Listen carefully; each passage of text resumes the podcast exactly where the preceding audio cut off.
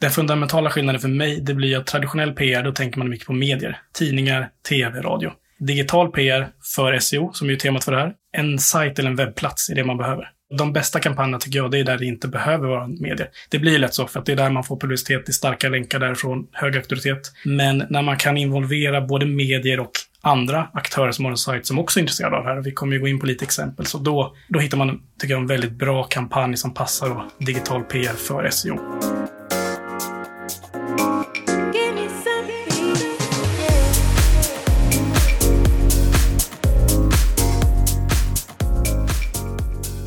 Det där var Andreas Norinder och det här är ett nytt avsnitt av Digital marknadsföring med Tony Hammarlund.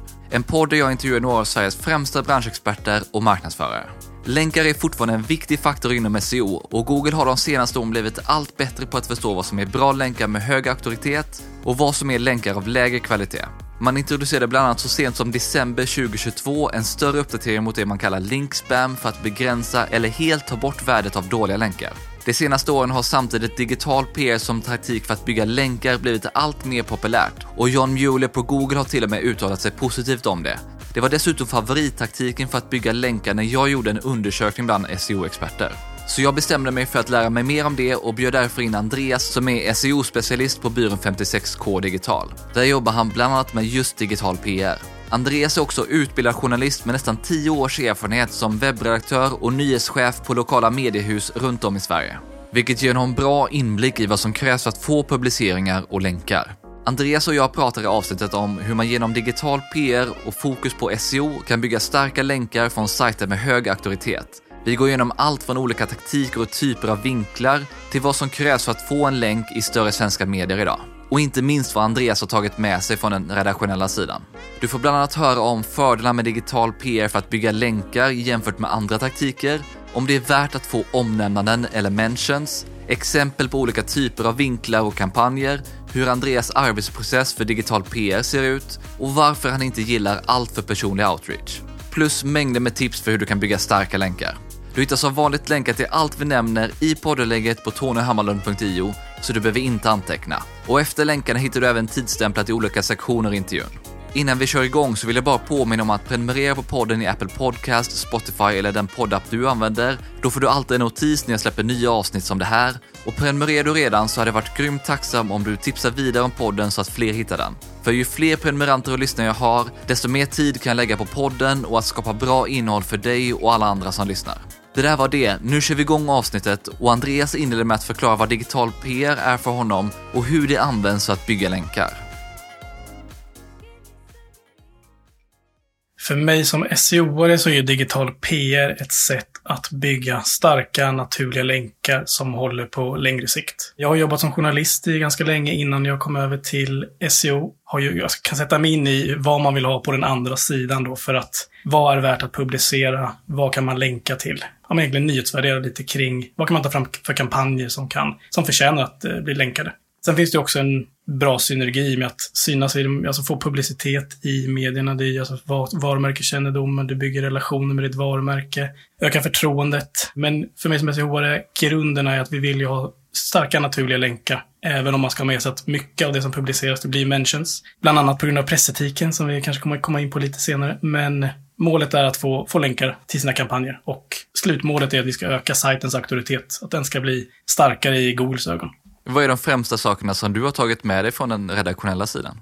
Som journalist till hur jag, vad som man kan använda idag, det är ju tycker jag nyhetsvärderingen. Jag kan ju tänka som en journalist. Tidigare roller har jag varit eh, nyhetschef, webbredaktör under många års tid och redan nu när vi sitter och brainstormar idéer eller vinklar eller vi kan ha då. Jag kan ju tänka som en journalist. Jag, det är som att jag gör eh, pitchar för mig själv till eh, den jag var för fyra, fem år sedan. Så att jag kan ju ganska lätt att växla mellan rollerna. Sitter på nyhetsdesken, tar emot det här tipset till att å andra sidan jag sitter och tar fram den här pitchen eller outreachen då, vad det är vi vill eh, få publicitet för.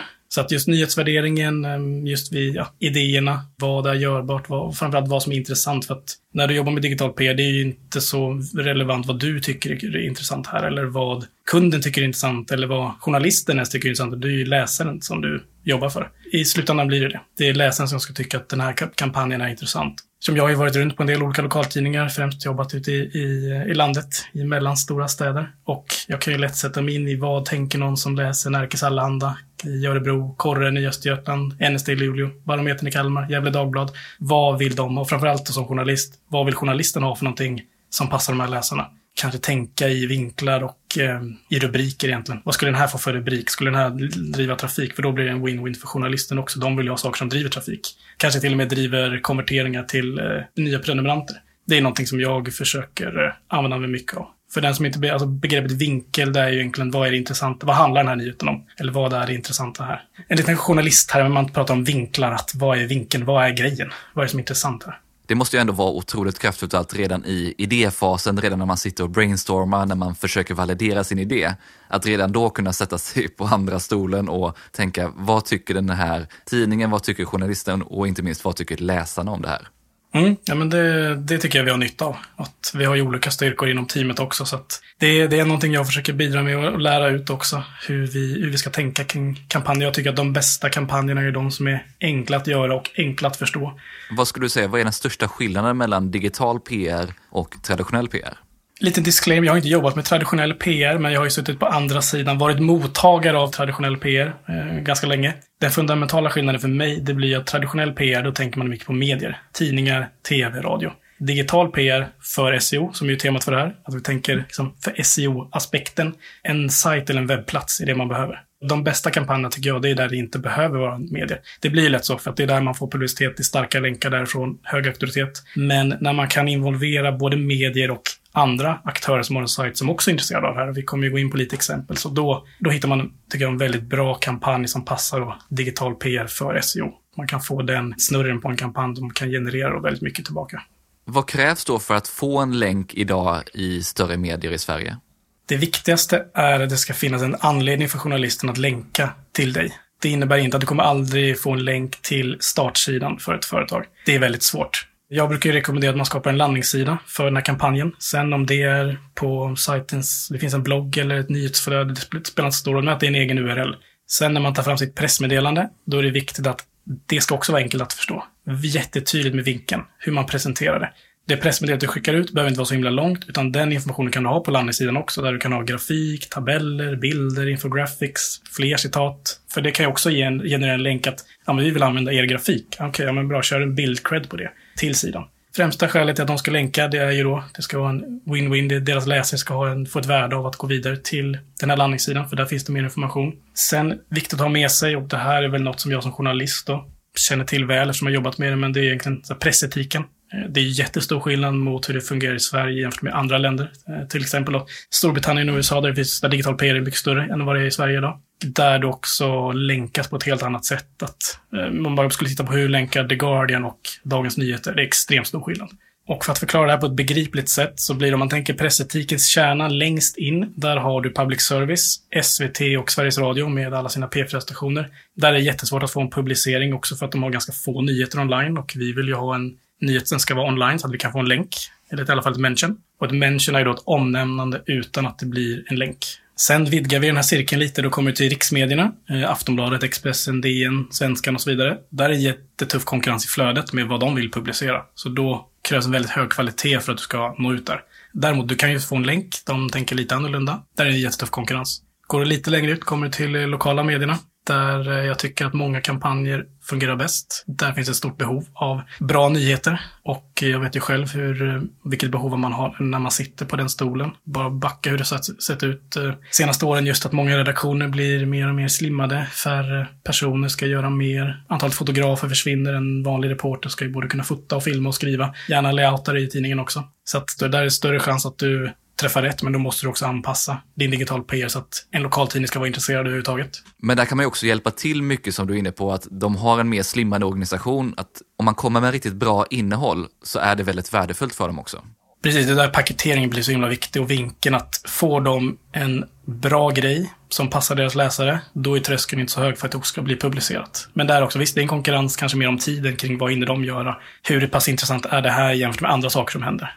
Så efter lokala medierna, då kommer egentligen magasin och tidskrifter. De också ett annat förhållande till pressetiken, hur man ska länka och benämna företag. Där kan du också jobba men Där problemet är att det finns ju inte lika många magasin som det finns i lokaltidningar eller andra medier. Eh, men där kan du också träffa väldigt rätt i ämnena. Och längst ut då, där det krävs mest kreativitet, då tänker vi bloggar, andra privatpersoner som har hemsidor eller organisationer eller vad det kan vara. Och för digital PR för SEO så är ju den här hela cirkeln är ju intressant. Medans kanske då traditionell PR för mig, det är ju då jobbar man ganska tajt public service eller riksmedier egentligen. Eller då kanske stora branschtidningar, och Dagens Industri eller vad det kan vara. Jag uppfattar också traditionell PR, där kanske man mer både som kund och konsult tycker att det är viktigare kanske vart man publicerar. Så att men vi fick en artikel i Dagens Industri, det var toppen. Medan jag som SEO-are, jag vill ju ha många publiceringar, att det ska få spridning. Om man nu inte får en länk utan man får, som du var inne på, en omnämnande eller mention. Är det värt att få dem och vad betyder de kontra länkar? Ja, det skulle jag säga att det är. Och här beror det lite på själv. Man kan ju läsa på kring mentions. Är det viktigt för SEO eller inte? Beroende på vem du väljer att tro på så kan du få ja, det är jätteviktigt. Eller nej, det är helt värdelöst. Och jag väljer att tro på att det är viktigt. Som tar lite större perspektiv. Hur fungerar Google idag? Vad kommunicerar de kring det här? De har ju ganska tydligt gått ut sagt att länkar är inte lika viktigt längre. De har upprepade gånger sagt det. Sen säger SEO att jo, det är fortfarande viktigt, vilket det såklart är. Men jag tänker att då blir det mer bra länkar från auktoritära webbplatser. Det är det som är viktigt. Google har ju blivit mycket bättre på att identifiera skräplänkar. John Mueller var ju även ute och pratade om att han faktiskt tycker mycket om digital PR som taktik för att bygga länkar. Ja, precis. Han sa väl till och med att det var viktigare än teknisk SEO och där eh, kanske jag inte riktigt håller med till 100%. Men ja, det, det är någon form av indikation då på vart vi är på väg. För okej, okay, andra typer av länkar, kallar det köpta länkar, det, det funkar jättebra idag i vissa fall. Men det vi gör nu vill vi ska vara hållbart över tid. Och för mig som jobbar med SEO, kolla en länkprofil. Det är ganska lätt att se vilka typ av länkar som är manipulerade eller som inte är naturliga. Även vissa webbplatser man kan se de här, eh, den här finns ju till för att ge, ge länkar till andra. Och om jag som SEO-are kan se det ganska enkelt så är det väl inte helt orimligt om vi tittar med på ett längre perspektiv att även Google kommer se det. Vilka skulle du säga är de största fördelarna med att jobba med digital PR för att bygga länkar kontra andra taktiker? Ja, men det är väl fem saker som jag kommer att tänka på. Dels, du får naturliga långsiktiga länkar. Det är oftast väldigt starka domäner med hög auktoritet. Det är alltså nyhetssajter och medier, de har en hög auktoritet i Googles ögon. Att få en länk därifrån är bra. Och även då mentions därifrån. Den här fördelen med att du också får en ökad varumärkeskännedom i ett relevant sammanhang för dig, där du ger ett värde i det som, det som presenteras, om det är en undersökning eller en sammanställning eller vad det kan vara. Så att du och din sajt och ditt företag är i ett bra sammanhang. Även att den här synligheten också hjälper till i själva köpresan. Och den här synligheten i medierna kan ju också innebära att eh, folk googlar ditt företag lite mer. Eh, man kommer in på din hemsida och därigenom kan du då slå på retargeting. Att de kommer in i en digital köpresa mot en konvertering, om det nu kan vara ett köp eller vad det kan vara. Eh, så att det är också ett plus att du får in dem. Och sen en annan fördel för mig personligen är att det är väldigt roligt att jobba med. Om man jämför med andra länktaktiker så är digital PR den överlägset mest roligaste och givande att arbeta med. En stor fördel som jag ser är ju också att det här är ju länkar när man väl får dem som är ganska svåra för ens konkurrenter att faktiskt replikera sen. För många andra taktiker när det gäller länkar, det är ju ganska enkelt att kolla upp vad ens konkurrent har gjort och sen göra samma sak. Men det här är ju väldigt svårt att göra. Jo, men det är någonting som brukar komma upp också i diskussioner kring varför ska man välja digital PR som taktik? Att du får ju en fördel gentemot dina konkurrenter, särskilt om det är tuff konkurrens, att du gör ju någonting som de inte gör. Och du får en helt annan kaliber på de här länkarna än vad du kan få på, då kallar det konstgjord väg. Så att det är absolut att det är en stor fördel. Du var inne på det här med vinklar tidigare, så vad finns det i huvudsak för vinklar eller typer av taktiker för att jobba med digital PR där just målet är att bygga länkar?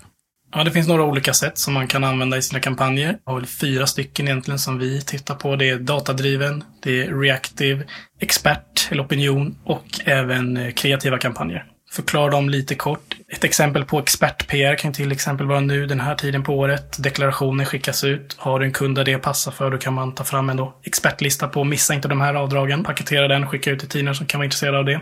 Ett annat exempel som jag var involverad i, som vi jobbade med, då kollade vi på årets julklapp där expertdelen bestod i av odds och sannolikhet för vilken produkt som då kan eh, utses till årets julklapp. Den här körde vi ut eh, dagarna innan det blev officiellt. Och det vi gjorde då, då hade vi två datakällor egentligen. Att vi tittade dels på oddsen, vad säger experterna? Vilka produkter är med i förhandsdiskussionerna? För att få fram någon, någon form av sannolikhet, vad det blir som blir årets julklapp. Sen kollade vi på Google Trends och såg lite de här sakerna, eller produkterna som det spekuleras kring. Hur intresserade är invånarna i respektive län i Sverige? Och sen tog vi även fram sökvolymer för att se lite över tid hur har antalet sökningar på de här produkterna sett ut senaste tiden. Och sen slog vi ihop det, tog ut eh, lokala siffror per län, anpassade våra pressmeddelanden så att det blir att de tidningarna som är i Gävleborg, de får ju Gävleborgs vinkel. Tidningarna i Östergötland får en Östgötavinkel. Tidningarna i Göteborg får en Göteborgsdel och så vidare. Så att det är ju 21 län, 21 versioner. Jag ser ju framför mig då rubriken Årets julklapp enligt Gävleborgarna. Årets julklapp enligt Sörmlänningarna, ungefär. Eh, och jag såg också någon eh, tidning som publicerade som använder då Google, enligt Google, eller Google visar att den datan då är, datan från Google är ju väldigt trovärdig också på så sätt. Så det är lite hur man kan jobba då med expertdelen. Och det här som du är inne på också, att faktiskt tänka i det lokala är ju någonting som många också glömmer. Att man bara tänker att man vill få publicering i de absolut största rikstäckande medierna, men det lokala kan också vara extremt kraftfullt. Absolut, jag har ju en kärlek till det eftersom jag har jobbat så många år inom just de lokala tidningarna och vet vilken betydelse det har. Och tittar du lite utanför Sverige, de som är väldigt duktiga i Storbritannien och USA, de jobbar ju mycket med kvantitet, alltså lokala tidningar. Sen en lokaltidning i Sverige är ju väldigt mycket mindre än en lokaltidning i USA såklart. Men eh, alltså just tänka volym och kvantitet det är också SEO-aspekten av det hela. Det är viktigt för att vi vill få så stor spridning som möjligt. Även om då kanske då, traditionell PR får vi en artikel i den här tidningen, så den kan till större impact kring vad som är viktigt för dem. Men SEO-delen, då vill vi ha många publiceringar för att öka sannolikheten att vi får länkar. Så att eh, det lokala är väldigt viktigt eh, när man jobbar med digital PR, oavsett vilket land det är egentligen. Det här var då en expertvinkel. Hur är det då med den reaktiva vinkeln som du tog upp? Ja, men där har jag också några exempel. Jag såg en häromdagen just att det var som jobbar i Storbritannien där det var brist på tomater. Jag vet ju hur det ser ut på en redaktion då. Tomatbristen är ju på agendan hela tiden. Det de gjorde då var ju att ta fram för en kund som eh, jag tror var verksam inom trädgård. Också lite expertdel i det hela, men Reactive blir ju att vad är det som snackas om just nu på redaktionen och även i samhället. Ja, men det är den här tomatbristen. Alla vill ju ha tomater och nu finns det typ inga att köpa. Så då tog de fram tips kring hur man odlar sina tomater själv hemma. Enkel guide som de skickade ut och jag vet ju själv, sitter man på redaktionen, tomatbrist, tomatbrist, tomatbrist och så får man den där guiden. Ja, perfekt. Det är ju en, eh, en dröm att bara få slänga ut den och man vet att eh, läsarna kommer uppskatta det här. Sen den metoden som jag förespråkar mest, som vi jobbar med och även när man tittar på internationellt vad som funkar bäst för just, om man tänker SEO, då är det datadriven PR. Det tycker jag är den absolut bästa metoden för att bygga länkar. Och det är egentligen att du använder en eller helst flera olika datakällor. Ofta som journalisterna inte har tillgång till själva. Eller ens kunskap om hur man gör. Så att då, det är någonting som vi som SEO eller marknadsförare kan göra. Och tänka kring då, vad vill en journalist ha? Jo, de vill ha lokala siffror. Så att det är det man ska också ha med sig. Att vi vill ha lokala siffror, ha en så stor målgrupp som möjligt. För att vi vill ha volym. Det som jag också gillar med datadriven PR, du sätter ju företaget i en intressant kontext där de tillför ett värde och en kunskap. Att det är en sammanställning eller en undersökning eller en trend eller vad det kan vara. Så att det är ju ett positivt sammanhang för dem. Och där rekommenderar jag att tänka lite mer kring områden och ämnen för företaget eller sajten som du jobbar med än att då tjänsten och produkten. För att det, ska inte, det är inte reklam vi jobbar med, det är, det är nyheter. Det ska, det ska uppfattas som en nyhet. För så kommer journalisten ta emot också. Vad kan det vara för typ av data som man använder då för att skapa den här typen av nyhet?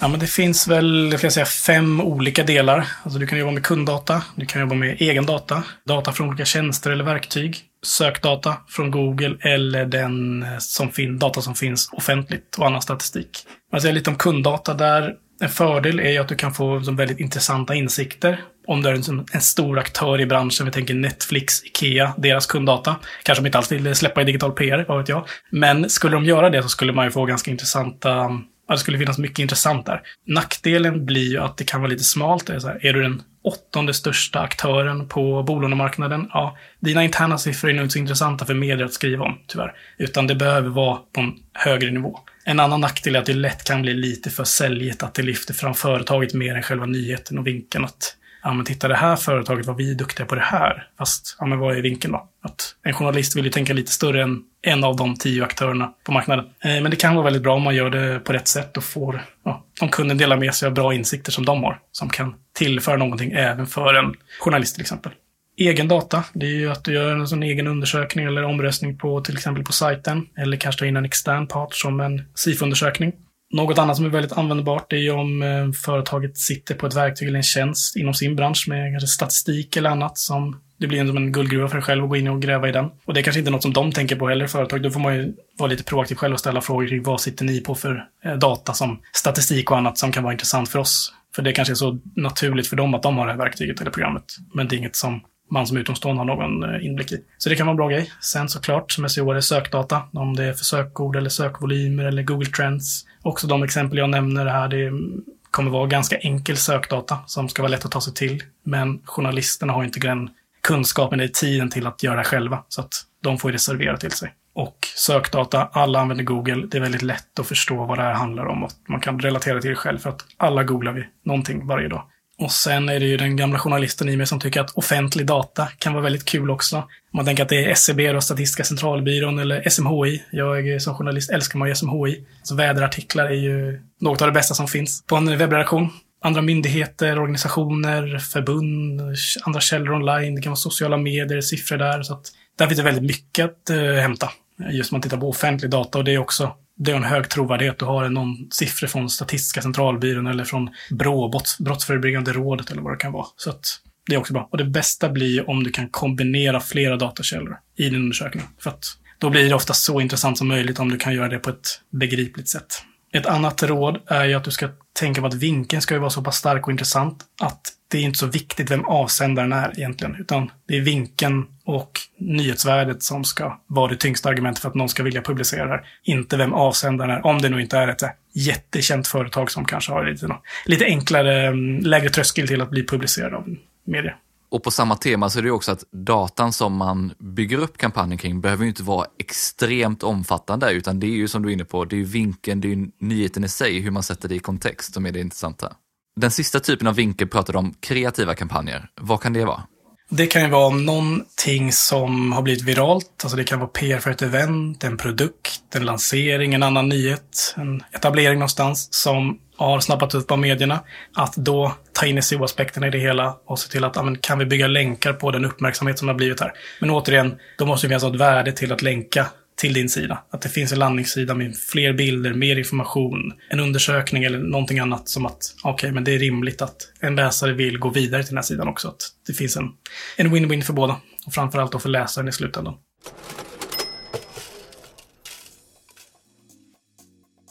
Förutom den här podden du lyssnar på nu så har jag även ett nyhetsbrev som varannan vecka går ut till tusentals marknadsförare. Jag startade det då jag själv tyckte att det var svårt att hålla koll på allt som händer inom digital marknadsföring, både att hitta bra sajter, nyhetsbrev eller personer att följa, men också att filtrera vad som är viktigt för mig att hålla koll på och vad det innebär i praktiken. Så jag skapar ett nyhetsbrev där några av Sveriges ledande experter inom sina respektive områden väljer ut det viktigaste och levererar en analys om vad det betyder för marknadsförare i Sverige. Istället för att följa en mängd olika sajter, nyhetsbrev eller andra källor så får du det viktigaste kurerat och analyserat så att du slipper. Och det är dessutom på svenska. Nyhetsbrevet är helt enkelt allt du behöver för att hålla dig uppdaterad och du kan dessutom diskutera nyheterna i communityn som du också får tillgång till. Vill du vara den smartaste marknadsföraren i rummet så tycker jag att du ska signa upp. Du kommer inte bli besviken. Du skriver enkelt upp det på min webbsida och prenumererar du redan så får du gärna passa på att tipsa kollegor eller andra du känner. Det här är då fyra huvudsakliga vinklar eller typer av taktiker. Hur ser sedan din process ut för att jobba med det här och vilka steg går du igenom?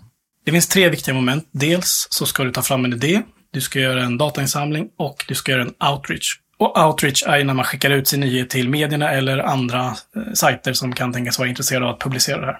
Och om vi börjar då med idén, absolut bäst att börja med en brainstorm. Återigen, vara flera på bolaget som håller på med det här, eller i alla fall vill de ju spåna kring idéerna. Sen är det ju naturligt att de som jobbar med digital PR har ju kanske en bättre förståelse för vad är genomförbart också i praktiken, som inte bara är en cool idé. Och gärna involvera fler. Vi brukar också ta det med kunden lite kring Alltså vad är viktigt för dem? Vad har de för idéer? Vad kan de ge för input? Så. Men sen är det ju vi som jobbar med det som ska alltså, sålla mellan allt det här och se vad är, vilka är de bästa idéerna? Vad kan vi gå vidare med? Och då när man sitter med sina idéer, vad är bra? Vilka ska vi gå vidare med? Då tycker jag alltså, vad är en bra idé? Det är något som är intressant för målgruppen. Det finns en stor målgrupp, för vi återigen, volym. Vi vill att många ska vara intresserade. Det ska vara ett relevant ämne både för sajten som du jobbar med, men också för läsarna. Det ska finnas data som underlag helst, om du då jobbar med datadriven PR, men även Data är väldigt bra även i expert-PR eller reactive för att det blir en annan tyngd i det hela. Det blir inte bara en åsikt, utan det blir framförallt en grej som journalist att oj, de har tagit fram de här eh, datakällorna och hittat något intressant. Det, blir, det är en helt annan grej än att det bara kommer en åsikt. Det ska vara enkelt att förstå, både för den som, ni som gör det, men också för den som tar emot det. Och sen tycker man att man ska kolla på om vi har en ny idé eller är den redan gjord? För att är det någonting som någon annan har gjort ungefär lika bra som ni kan tänka sig göra, ja, skippa den då, för då är det inte så intressant för journalisterna. Och jag brukar tänka kring att det ska vara någonting som kan väcka känslor, det ska vara intressant och man ska bli nyfiken av vinkeln. Och gärna tänka i rubriker även när ni brainstormar idéer. Så här, hur skulle en tidning kunna sätta en rubrik på det här som lockar in en läsare? För kan en journalist sätta en rubrik som lockar in läsare, då kommer de också vara benägna att publicera. För då är det bra även för dem då såklart. Sen, eh, ett väldigt viktigt moment i idéerna det är också att validera dem. Valideringen av data blir också väldigt viktigt för att håller vinkeln, är detta så intressant som vi tror? Det händer ganska ofta att vi har en idé, vi bollar tillsammans, man kollar lite datakällor, kan vi vinkla det här eller vad skulle vara en, bli en arbetsrubrik? Och sen återkommer vi till någon form av mini-brainstorm igen för att se lite vilka är bäst, vad fungerar, vad kan vi gå vidare med? Så att det är ett viktigt moment att inte lägga för mycket tid på en idé som senare visar sig vara ogenomförbar eller inte så intressant. Och i den här valideringen och brainstormingen så är det också att ni gör en typ av nyhetsvärdering själva också. Är det här en tillräckligt stark nyhet för att skicka ut? Precis, då sätter mig jag på gamla webbredaktörsstolen och när jag tänker att vilka kan tänkas vara intresserade av det här? Hur hett är det för målgruppen? Vad blir det för rubriker av det? Är någonting som kan driva trafik? Så det bör man alltid ha med sig. För återigen, det är inte att du ska tycka att det är intressant, det är att de här läsarna ska tycka att det är intressant. Så att det finns en anledning till att eh, ja, förtjäna en publicering. Då har du en idé klar, sen går du över till datan. Vad gör ni där?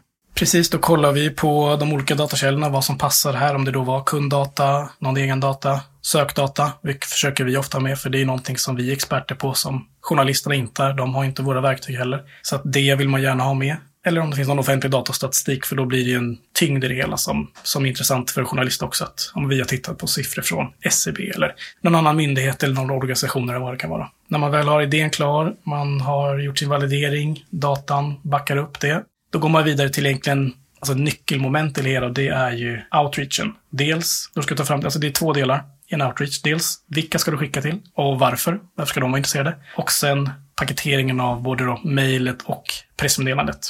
Och här har väl jag en tanke som kanske går lite emot hur framförallt traditionella PR-konsulter jobbar som gillar den här personliga kontakten. Och jag har ju själv blivit kontaktad jättemånga gånger just som webbredaktör eller framförallt nyhetschef med att ja, men hej Andreas, vi har ett tips som passar just er. Och journalisten är av naturen skeptiska och måna om sitt oberoende. Så när någon kontaktar en med ett nyhetstips som inte jobbar på en myndighet eller eh, polisen eller något annat. För det tips från någon som jobbar på en myndighet, då kan du vinna en guldspade. För att kolla på de som får priser, det börjar ofta med tips från någon sån form av eh, eh, organisation eller myndighet. Men får du tips från någon som jobbar med PR så är det alltid så här, okej, okay, man blir lite skeptisk. Vad är haken? Vad, vad är det här för någonting? Också tidsskäl, för att vi vill jobba med volym. Då kan jag inte ha, hålla på att ha personliga kontakter med flera hundra journalister. Det skulle vara helt ohållbart. Och även för den som är journalist, de är inte så intresserade av att ha personliga kontakter med konsulter heller. Det är därför jag trycker på att alltså, nyheten ska vara det centrala. Det är den som ska förtjäna publicering. Sen vilken byrå du jobbar på, om ni är tjenis med varandra eller inte, eller vem som är avsändare, det, är liksom, det ska inte vara lika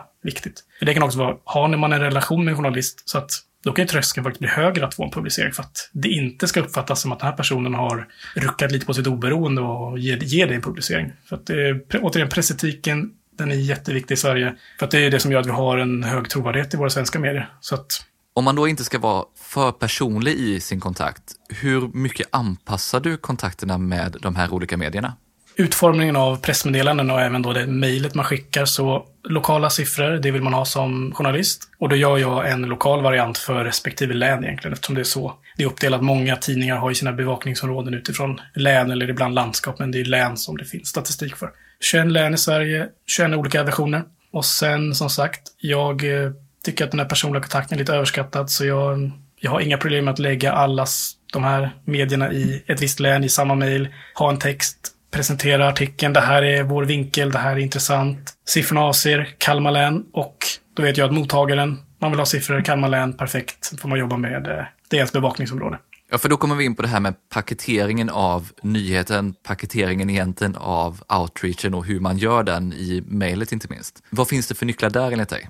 Ja, men jag vill återigen trycka på vinkeln att eh, ja, men egentligen ämnesraden, det, den ska sticka ut i bruset. Där ska din rubrik vara, som ska vara så spetsig som möjligt. Så att eh, man lätt förstår vad som är det intressanta. Sen en ganska kort presentation av vad nyheten är. Bifogar ett pressmeddelande som inte behöver vara lika långt då som den texten som finns på landningssidan. Har du en tabell eller en grafik så visst, ha med en bild, men merparten kan ju ligga på den landningssidan, och att det är fritt att använda dem. Och de kan höra av sig om det är någon, eh, behöver mer information eller fler citat eller så. Just citat är bra att ha med i pressmeddelandet också. Att från kunden eller någon, någon från den här sajten som uttalar sig. För det använder journalister gärna. Så det rekommenderar jag att ha med i alla sina kampanjer, att den som är expert på ämnet hos kunden också har med ett citat. Även om det är en datadriven kampanj så kan då kunden vara expert på det här området och, och göra det lite mer intressant för en journalist att använda sig av. Du kom också in där på det här med landningssidan och det man faktiskt gör på sin sajt. För det har vi inte pratat om så jättemycket, men för att man ska få en länk så behöver det också finnas någonting att länka till. Hur tänker du kring landningssidor eller resurser eller vad som faktiskt ska länkas till? Ja, men det är jätteviktigt att varje kampanj har en landningssida. Sen om det är i en blogg eller i ett nyhetsflöde på sajten, det spelar inte så stor roll. Men en egen URL där du kan ha mer text, eh, grafik, bilder, tabeller eller annat. För att en grafik, en publicering av en grafik kan ju också vara en anledning till att länka för att då får du en eh, bildcred till exempel. Och återigen, vad sju journalisten tänker, ska jag länka till den här landningssidan då ska det finnas ett värde för läsaren att faktiskt gå vidare för att där finns det mer. Sen oavsett om det finns ett stort värde eller inte. Så de pressetiska reglerna gör att tidningar har policies att nej, men vi länkar inte ut. Okej, okay, då är det ett mention som gäller, men det behöver inte vara misslyckat för det. För att eh, företaget och sajten får ju publicitet och som vi pratade om förut med styrkan i mentions och framtiden för SEO, så det är inte dumt alls. Och man får ju räkna med att av publiceringarna så kommer du inte få länkar från alla. Det här är då de här tre stegen. Hur kan en sån här kampanj gå till och har du något bra exempel? Ja, men framgångsfaktorerna som jag ser det är att det passar målgruppen, det är enkelt att förstå och också enkelt att göra. För du vill hellre ha två, tre kampanjer som du kan skicka ut än en kampanj som du har lagt jättemycket tid på. Så återigen, volymen är viktig och och ett exempel var nu inför Melodifestivalen. Då tittade vi på hur intresset såg ut lokalt och jag såg ju rubriken framför mig. Här är intresset för Mello störst i Punkt, punkt, punkt. Och det vi gjorde då var vi kollade i Google Trends, sökintresset senaste åren har det gått upp eller ner. Och sen tog vi det på länsnivå och där kan man även få se i verktyget mest populära och minst populära orterna hur eh, andelen av sökningar är. Och den här tog inte alls lång tid att göra. Det blev ju en topp och bottenlista också per län och jag vet ju att är det något man är intresserad av som läsare av en lokaltidning, det är ju hur ser det ut där jag bor? Och jag vet också, det här är ingen forskningsstudie eller någonting, utan det är, vi kollade Google Trends, hur ser det ut där, vi paketerade det lokalt anpassad och så skickade ut den. Och den gick ju väldigt bra, för det var ju i tiden. Det var veckan före Mello körde igång. Återigen, rubriken, jag vet att den funkar för en lokal publik. Så att den, eh, den gick väldigt bra och var som sagt enkel att förstå, enkel att göra en annan kampanj som en eh, kollega till mig gjorde, som jag tycker är genialisk. Där man fick in både medierna som är intresserade, men också en annan kategori.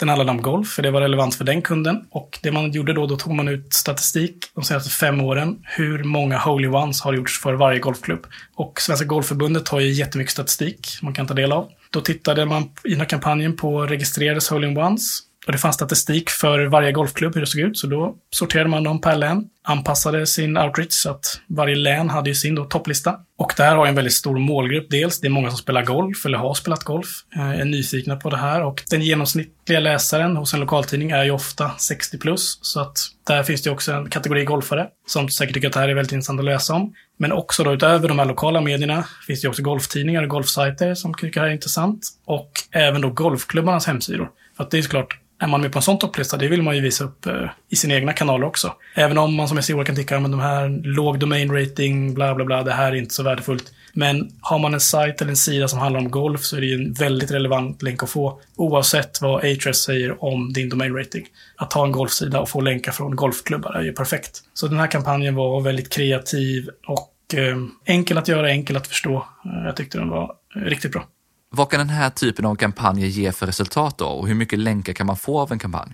Det är svårt att ge något exakt svar på vad en kampanj kan förväntas ge eftersom du har inte riktigt den makten själv. Men jag brukar försöka titta på det just över tid. Hur många kampanjer gör man? Och vissa kampanjer de kanske får över tio länkar, vissa får noll. Och sen får man se lite då, ja men nu har vi jobbat med det här i så här många månader, vi har gjort så här många kampanjer och vad ligger vi som, vad, vad snittar vi på ungefär? Så vissa kampanjer de kommer från noll. Vissa kanske får en, två länkar. Men kanske hade många publiceringar så där var det mycket människor istället. Och vissa kampanjer går lite bättre, man får lite fler länkar. Så att det, är, det är ett långsiktigt arbete, man behöver jobba mer över tid och ha ett längre perspektiv så. För att även om det bara skulle vara då en, två, tre länkar i månaden så över tid blir det jätte, jättebra med tanke på hur starka de här länkarna är. Så att som med mycket annat inom SEO, it depends på hur mycket tid man lägger på det här, hur, vad man har för mål, vad det är för typ av sajt, massa sådana faktorer också. Så det, det är svårt med så här, exakt, utan det blir lite mer generellt. Jag kan vara jättenöjd med om någon kampanj har fått 15 publiceringar. Sen blev det inte så många länkar för att de här tidningarna är lite mer restriktiva med hur de länkar.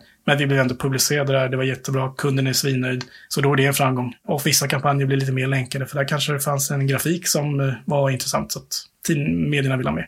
Jag förstår att det är extremt svårt att säga något konkret om det här och det är som du är inne på, det är som mycket inom SEO att it depends. Men det är ändå intressant att höra vilka förväntningar kan man ha och hur mycket jobb går in för att faktiskt bygga en länk eller få en mention egentligen. Men då kommer vi också in på det här med hur följer man upp och hur mäter man framgång för en kampanj?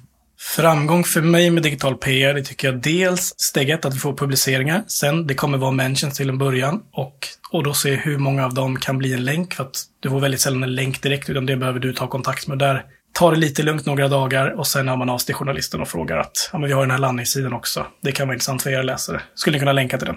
Sen, man får ett ja, man får ett nej. Eh, man accepterar och går vidare. Det lönar sig inte att tjata eller så. Det hatar man som journalist. Så att, eh, undvik det. Så att behåller du en god relation. Så en framgång, dels att hur många gånger blir vi publicerade och i vilka medier.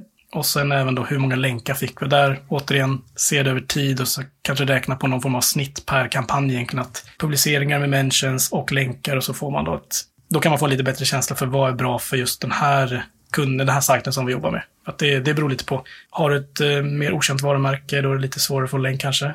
Än om du jobbar med en större, mer välkänd aktör, som kanske till och med är branschledande. Då kommer du ha lättare eh, att få både publiceringar och länkar. Så där kan man ju titta då, alltså just generellt, eh, synlighetskurvan i Sistrix, andra SEO-verktyg, går det upp eller ner? Domain rating är ju ett sånt också i Ahrefs, även om jag inte är ett så stort fan av att kolla på just det. Men det är ju det finns många olika delar man kan titta på för att mäta just, har den här sajten blivit mer auktoritär än sina konkurrenter? Men det bästa och mest konkreta det är egentligen att jämföra sina länkprofiler med de man vill ranka före. Har vi starkare, mer relevanta länkar än vad de har? Ja, men då är det framgång för att det är ett långsiktigt arbete att jobba sig förbi eller kanske öka avståndet då, på den punkten. Annars kan man gå ner på sidnivå också och kolla på den här landningssidan, vilken trafik den har och de här besökarna konverterar till ett nyhetsbrev eller något annat. Man kan ju mäta assisted conversions och ja, SEOs roll i hela kundresan. För oss och för mig när vi sitter med digital PR för SEO eh, så vill vi bygga länkar som ökar sajtens auktoritet och vi vill ha en högre kvalitet på vår länkprofil än vad konkurrenterna har. Och digital PR blir ju kanske det sista du lägger på egentligen när du jobbar med SEO för att du måste ha teknisk SEO-plats, on-page SEO med ditt content, det ska också vara bra. Sen då lägger du på länkarna. Du ska aldrig börja med länkar eh, oavsett vilken taktik du väljer, utan teknik, on-page och content, de måste ju komma före. Men när du väl jobbar med den här typen av taktiker som digital PR är, så då har du ju en, tycker jag, ett stort försprång. Du kan skaffa dig en stor fördel eftersom det är inte så många andra som gör det. Än så länge i alla fall. Jag vill bara hoppa tillbaka till en sak du sa där om att faktiskt omvandla mentions till länkar. Har du några tips för hur man tar den kontakten med journalisten där?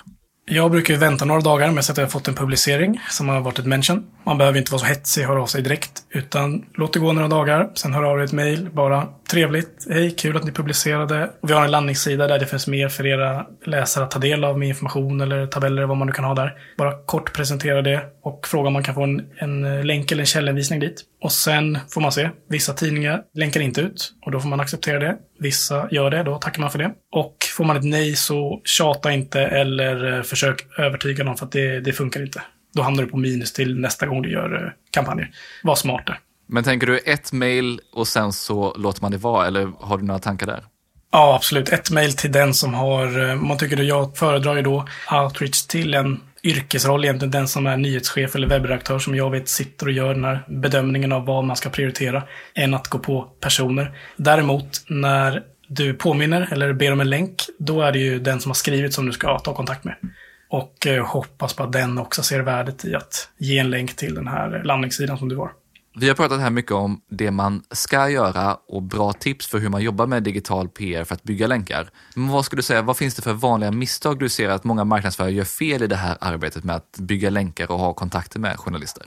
En rekommendation som jag genom åren har tyckt varit ganska ologisk, det är ju den med att måndag klockan nio är den bästa tidpunkten att höra av sig till journalist. Och ja, jag vet inte med dig Tony, men jag tycker att måndag klockan nio, då har man oavsett yrke har man ganska uppfullt upp med annat. Som journalist, man kommer in till en nyhetsredaktion. Har man inte jobbat helgen, det första man ska göra är okej, okay, vad har vi haft i helgen? Där man själv jobbar.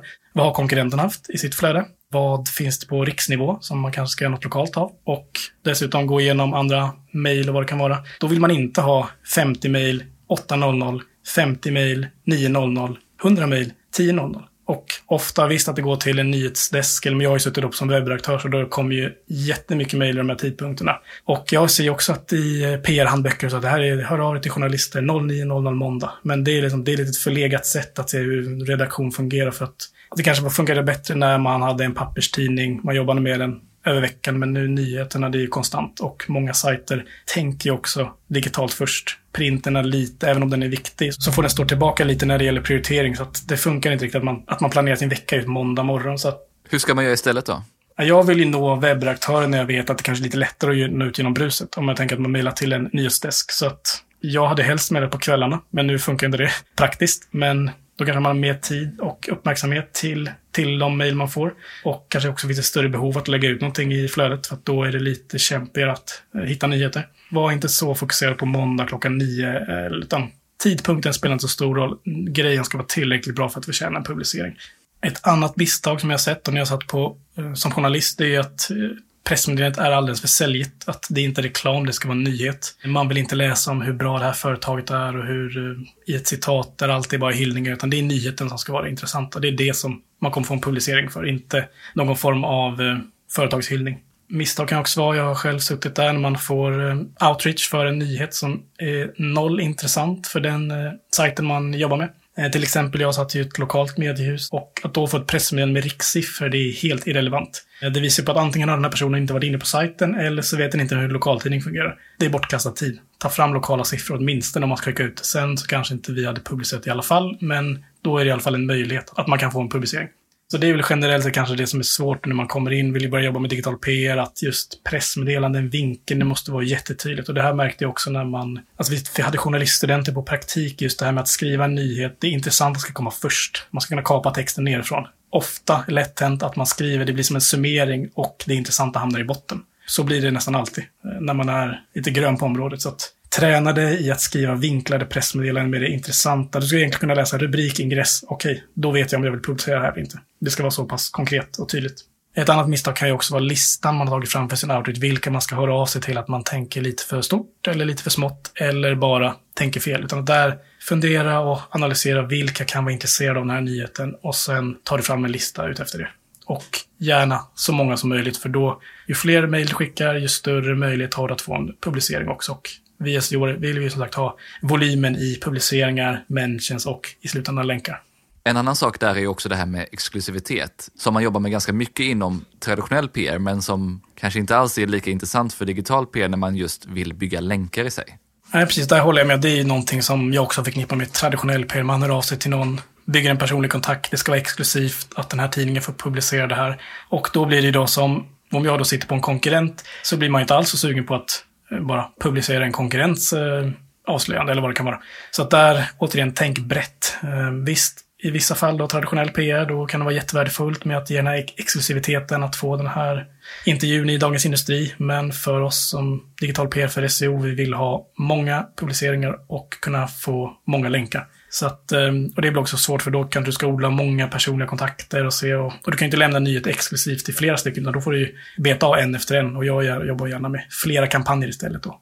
Såvida man inte verkligen, verkligen vill ha just den här länken. Precis, då kan man jobba väldigt så eh, nischat mot att ja, men det är den här länken vi vill ha. Kunden uppskattar det också ur andra aspekter än SEO. Då kan man absolut göra så. Men eh, det är lite traditionell PR eh, för mig också. Digital PR för SEO att jobba med exklusivitet eh, hade jag inte rekommenderat. Innan vi avslutar så vill jag också kolla om du har några fler tips för hur man bygger riktigt bra länkar och lyckas med digital PR. Sitter du på en marknadsavdelning, jobbar inhouse eller på byrå, så vill börja med digital PR. Eh, mitt främsta tips är att tänka till kring lokala vinklar så att de har så bred målgrupp som möjligt. Sen kan det vara lokaltidningar, det kan vara andra typer av sajter, men just tänka volym, att vi vill ha så många som möjligt ska vara intresserade av det här. Eh, det ska vara väldigt tydligt vad det är, det måste vara enkelt att förstå och publicera. Gör det inte för krångligt. När du brainstormar dina idéer kring vad som kan vara intressant, försök tänka till lite vad som skulle kunna bli en snackis för just de här läsarna. Du ska tänka mer som en läsare än som en PR-konsult när du tänker till kring vad, vilka idéer som vi ska gå vidare med. Som person, du måste vara kreativ, gilla att gräva ner i data och fundera på vad som kan vara intressant för olika målgrupper. Och framförallt vara noggrann för att gör du det 80% bra så har du kanske 0% chans att få publiceringar. Så att du måste verkligen gå igenom varje moment, göra det så bra du bara kan. Samtidigt som du har lite tempo också så att du kan ha relativt många kampanjer igång. Sen behöver inte det vara tio per månad, men kan du ha några stycken varje månad så ja, det rullar på. Än att du sitter och jobbar med en kampanj i flera månader. Och mitt sista tips får ju bli att vara fler personer involverade. Jag har den lyxen att jag jobbar med min kollega Eva. Och både som bollplank när det gäller idéer, datavalidering eller vad vi gör för datainsamlingar. När vi bygger outreach-listor, pressmeddelanden, vi korrar, vi vinklar och vässar. Så var gärna fler involverade oavsett om du jobbar på en byrå eller inhouse. Det är min rekommendation för att det också digital PR, det är jättekul att jobba med. Så att eh, gör man det tillsammans blir det ännu roligare. Stort tack för att du har lyssnat. Jag fick en massa nya idéer för hur man skulle kunna använda digital PR för att inte bara skapa uppmärksamhet, utan också få starka länkar. Och jag håller tummarna för att du också fick det. Är det här första gången du lyssnar så hoppas jag att du gillade avsnittet och att du klickar på prenumerera i din poddapp. Då får du alltid en notis när jag släpper nya avsnitt. Och har du lyssnat tidigare och prenumererat så vill jag gärna höra vad du tog med dig i en kommentar, ett inlägg eller ett DM.